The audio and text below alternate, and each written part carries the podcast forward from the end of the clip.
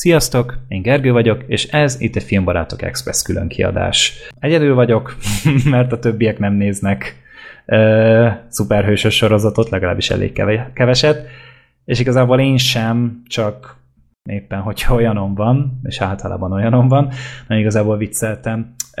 Mostani beszámolónak vagy adásnak az apropója a Doom Patrol című sorozat, aminek a héten lett vége. Nem tudom, hogy mondjuk mikor lesz ez publikálva, minden esetben tényleg ugye május végén ért véget az első évad. És hát úgy éreztem, hogy erről talán érdemes lesz beszélni. Ugye a DC Universe nevű ilyen streaming szolgáltató elindult idén, sőt lehet, hogy már tavaly év végén ugye elindult, ami tényleg a Warnernek egy streaming szolgáltatója volt, ugye először a Titans című sorozattal indult el, az egy nem, nem egy, de abból is ugye még csak egy évad ment le, nem túl sok, és hát 11 epizódból állt. Igazából ez egy érdekes kis történet volt, egy ilyen nagyon kifacsart, nagyon edgy, nagyon erőszakos, nagyon véres X-Men történetként is fel lehet fogni. Jók voltak benne a történetek, meg a karakterek, de úgy nem igazán ért el azt a, azt a magasságot, mert talán egy picit öncélúnak éreztem én helyenként, viszont az ötödik epizódban felvezették, vagy nem, a negyedik epizódban felvezették a Doom Patrol nevű kis csapatot, akik utána meg is kapták a saját sorozatukat, és elindult a DC Universe heti adásban. E, már ott is a Titansben is így láttam, hogy ez engem érdekelni fog, mert ez egy, hát egy csapat történet tulajdonképpen, tényleg itt ö, olyan emberekről van szó, akik tényleg a periférián élnek, és igazából el vannak anyagolva, és tényleg egy ilyen számkivetettek. És az ő történetüket mesélik el itt 15 epizódban. Itt a creator meg a showrunner a Jeremy Carver volt, akinek én nagyon sok kreditet adtam, és bíztam benne, mivel a Supernatural-ben is közreműködött, jobb évadokat készített szerintem a sorozatban, és hát ő írta meg a, a legjobb epizódokat talán a, az összes közül. Úgyhogy én tényleg nagyon nagy izgalommal vártam, és befutott, és a történet tényleg öt ilyen számkivetett karakterről szól. Az egyik egy Crazy Jane nevű lány, akinek 64 személyisége van. Van egy hát leszerepelt, bukott 50-es évekbeli színésznő, aki egy baleset során elolvad néha, tehát ilyen hatalmas nagy ilyen hústömeg lesz belőle, és igazából folyik szana szét.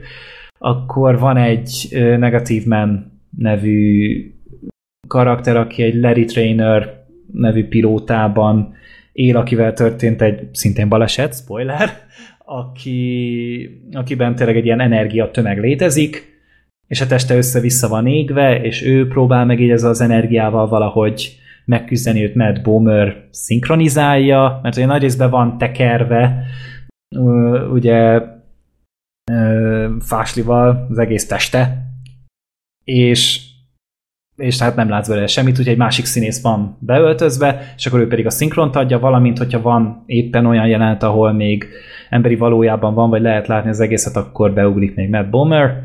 Um, a negyedik tag az Brandon Fraser által alakított Cliff Steele, vagy Robotman, aki szintén csak szinkronizál amúgy a Brandon Fraser, tehát itt is egy másik színész veszi fel a robotruhát, és hogyha megint csak van egy olyan jelenet, ahol Brandon Fraser-t kell látni, akkor azért beugrik, de tehát nem ő öltözik be.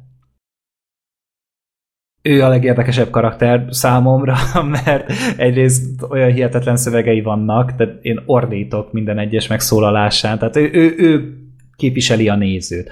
Az, aki, aki szentségel, aki azt mondja, hogy ezt nem hiszem el, és ez mekkora baromság, és történik rengeteg, rengeteg ilyen a sorozatban, és hát nagyon régen találkoztam olyan e, figurával, aki ennyire gyönyörűen tudott fakkolni, tehát Brandon Frasernek ez egy nagy visszatérés, e, az én szememben mindenképpen. Hát ugye Múmiában már láttuk, hogy ő kb. így egy ilyen szimpatikus figura tud lenni, aztán szépen lassan leépítette a karrierjét, aztán talán a Trust című sorozatban, ahol így Danny boyle el akarták mesélni a világ összes pénze történetet. Ő játszotta, hogyha jól emlékszem, a Mark Wahlberg karakterét, és állítólag ami parádésen én még nem láttam azt a sorozatot.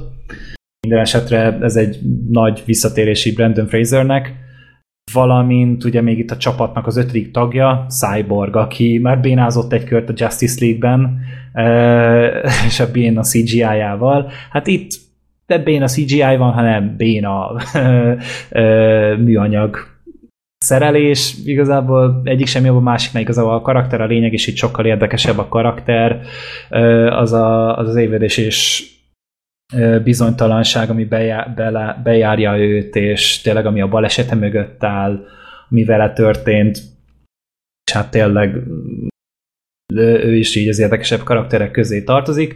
Történet az egy Chief nevű karakter körül zajlódik, aki Timothy Dalton játszik, eltűnik, és tulajdonképpen őt próbálják megkeresni hőseink, ez, ez a kis számkivetett banda, és hát egy őrület, amit történik. Tehát, hogy ilyen eszement, kreatív baromságokat telerakott sorozatot én Hát nagyon-nagyon meg kéne erőltetnem, hogyha valami hasonlót akarnék előrántani. Talán a Rick és Morty még olyan, ahol, ahol egy ennyire ennyire agyament elszállt fasságokkal tudják tenni. Tehát itt a fasságot, ezt most úgy értem, hogy nagy F-fel, és nagy A-val, és nagy két S-szel, és nagy S-sel, és mindennel, tehát hogy, hogy amit el tudtak képzelni.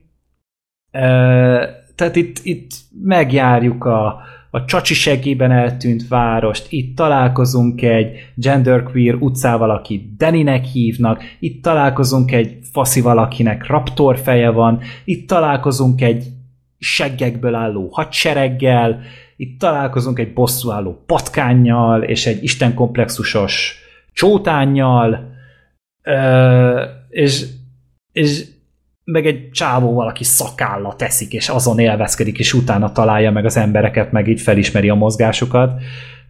Elképesztő, és így azt hiszitek, hogy hülyéskedek, de nem, nem én hülyéskedtem, a készítők hülyéskedtek és valami bámulatosan vicces a sorozat, és ahogy tudja adagolni ezeket a hülyeségeket, nem, de én nem tértem napirendre fölötte, és imádom, hogy ez így elkészülhetett manapság, és hát tényleg roppantul szórakoztató. Nem kell itt ilyen magas művészetet várni, tényleg a, a hülyéskedés az megy benne, mellette a karakterizálás, tényleg a karakterek közötti dinamika, ezek a barátságok, kapcsolatok, ez, ez a szeretet, ami közöttük van, ez egy és amikor ez megnyilvánul, az meg tudja melengetni az embernek a lelkét, és, és hát tényleg emiatt így nem csak szórakozik rajta az ember, hanem szereti is a sorozatot, és ez talán a, a legnagyobb dolog, amit egy sorozat el tud érni, mert hogy fel lehet venni szépen egy sorozatot, meg lehet komponálni szépen, stb.